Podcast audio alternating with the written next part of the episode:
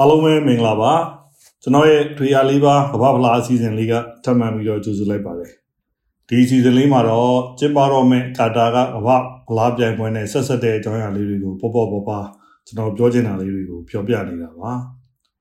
အပိုင်းတက်မှာတော့ကအစင်လာရှိတဲ့အသင်းတစ်သင်းဖြစ်တဲ့အီတလီအသင်းဒီနှစ်မှာခြေစပွဲမအောင်တဲ့အကြောင်းလေးပြောပြခဲ့ပါတယ်ကမ္ဘာဖလားစတင်ကျင်းပတော့ကခြေစပွဲဆိုတာမရှိခဲ့ဘဲနဲ့အသင်းပေါင်း73သင်းသာ ပါဝင်ရှင်ပြိုင်ခဲ့တာပါအဲ့ဒီပထမအကြိမ်ဓာတ်ရိုက်ရှင်ပြိုင်ရတဲ့အသင်း73သင်းကနေစလို့အခု22ကြိမ်အထိခြေစစ်ပွဲအောင်လို့အကြိမ်တိုင်းပါဝင်ရှင်ပြိုင်ခွင့်ရတဲ့အသင်းကဘရာဇီးအသင်းတစ်သင်းပဲရှိပါတယ်သူ့နောက်မှာတော့ဂျာမနီအသင်းကအကြိမ်20အာဂျင်တီးနားနဲ့အီတလီက18ကြိမ်စီပါဝင်ရှင်ပြိုင်ထားပါတယ်ဘရာဇီးအသင်းဟာတမိုင်းတစ်လျှောက်9ကြိမ်ဘူလူပွဲတက်ခဲ့ပြီးတော့9ကြိမ်ချန်ပီယံဖြစ်ခဲ့တာပါ ဂျာမနီအသင်းကတော့၈ကြိမ်ဘိုလူပွဲတက်ခဲ့ပြီးမှ၄ကြိမ်ပဲပိုဆွဲခဲ့တာပါဂျာမနီအသင်းဟာဘိုလူပွဲကိုပိုတက်နိုင်တယ်ဆိုပေမဲ့တကယ်တမ်းအကြိမ်အများဆုံးပိုဆွဲထားတာကဘရာဇီးအသင်းဖြစ်နေပါတယ်ဒါကလည်းထူးခြားချက်တစ်ခုပါပဲအီတလီဆိုရင်တော့6ကြိမ်ဘိုလူပွဲတက်ခဲ့ပြီးမှ၄ကြိမ်ပိုဆွဲခဲ့တာပါဘိုလူပွဲတက်တဲ့အကြိမ်ရည်နဲ့ဘိုဆွဲတဲ့အကြိမ်ရည်ကိုတွက်မယ်ဆိုရင်တော့အီတလီကတော့ပို့ပြီးတော့အကြိမ်ရည်နည်းနည်းနဲ့ဘိုဆွဲတဲ့အကြိမ်ပိုများတယ်လို့ပြောရမှာပဲဖြစ်ပါတယ် အာဂျင်တီးနားကတော့ဘိုလူပွဲ၅ကြိမ်မှာ2ကြိမ်ပိုဆွဲတယ်ပြင်သစ်က3ကြိမ်ဘိုလူပွဲတက်ရမှာ2ကြိမ်ဥရုဂွေက2ကြိမ်ဘိုလူပွဲတက်ရမှာ2ကြိမ်ပိုဆွဲခဲ့ပြီးတော့စပိန်နဲ့အင်္ဂလန်တို့ကတော့တစ်ကြိမ်စီဘိုလူပွဲတက်ခဲ့ပြီးတော့ချန်ပီယံလည်းတစ်ကြိမ်စီပဲဖြစ်ခဲ့ကြတာပါခေတ်သစ်ဘောလုံးမှာချန်ပီယံဖြစ်ဖို့အတွက်ကပိုပြီးတော့ခက်ခဲလာပေမဲ့လည်းကမ္ဘာဖလားခေါင်းစဉ်အောက်မှာတော့ကျွန်တော်တို့ပြောခဲ့တဲ့အစင်လာရှိတဲ့ဒီအသင်းတွေပဲ ရှစ်သင်းပဲချန်ပီယံဖြစ်ခဲ့ဘူးတာပေါ့နော်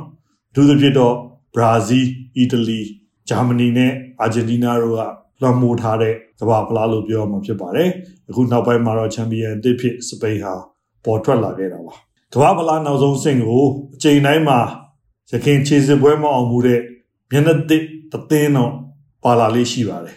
ဒီဒီချိန်မှာတော့ခြေစစ်ပွဲအောင်တဲ့မျက်နှာသစ်အသင်းမပါလာဘဲနဲ့အင်ရှင်ကာတာအသင်းကသာ မျက်နှာသစ်အသင်းဖြစ်ပါဝင်ခွင့်ရခဲ့တာပါအဖွဲ့ဝင်နိုင်ငံပေါင်း200ကျော်ရှိတဲ့ FIFA မှာလက်ရှိကမ္ဘာဖလားပြိုင်ပွဲ22ကြိမ်နှစ်ပေါင်း90အတွင်းမှာအသင်းပေါင်း80ပဲနောက်ဆုံးဆင့်ကိုရောက်ရှိရှင်ပြိုင်မှုတာဖြစ်ပါတယ်။လက်ရှိဒီအပိုင်းကိုကျွန်တော်ပြောနေတဲ့အချိန်မှာတော့ပြိုင်ပွဲဝင်အသင်းတော်တော်များများကအပြည့်သက်လူစင်းတွေကိုထုတ်ပြန်ထားခဲ့ပြီးပါပြီ။အချို့အသင်းတွေမှာဆိုရင်ဒဏ်ရာကြောင့်ကစားဖို့မတိကြတဲ့ကစားသမားတွေကိုပါ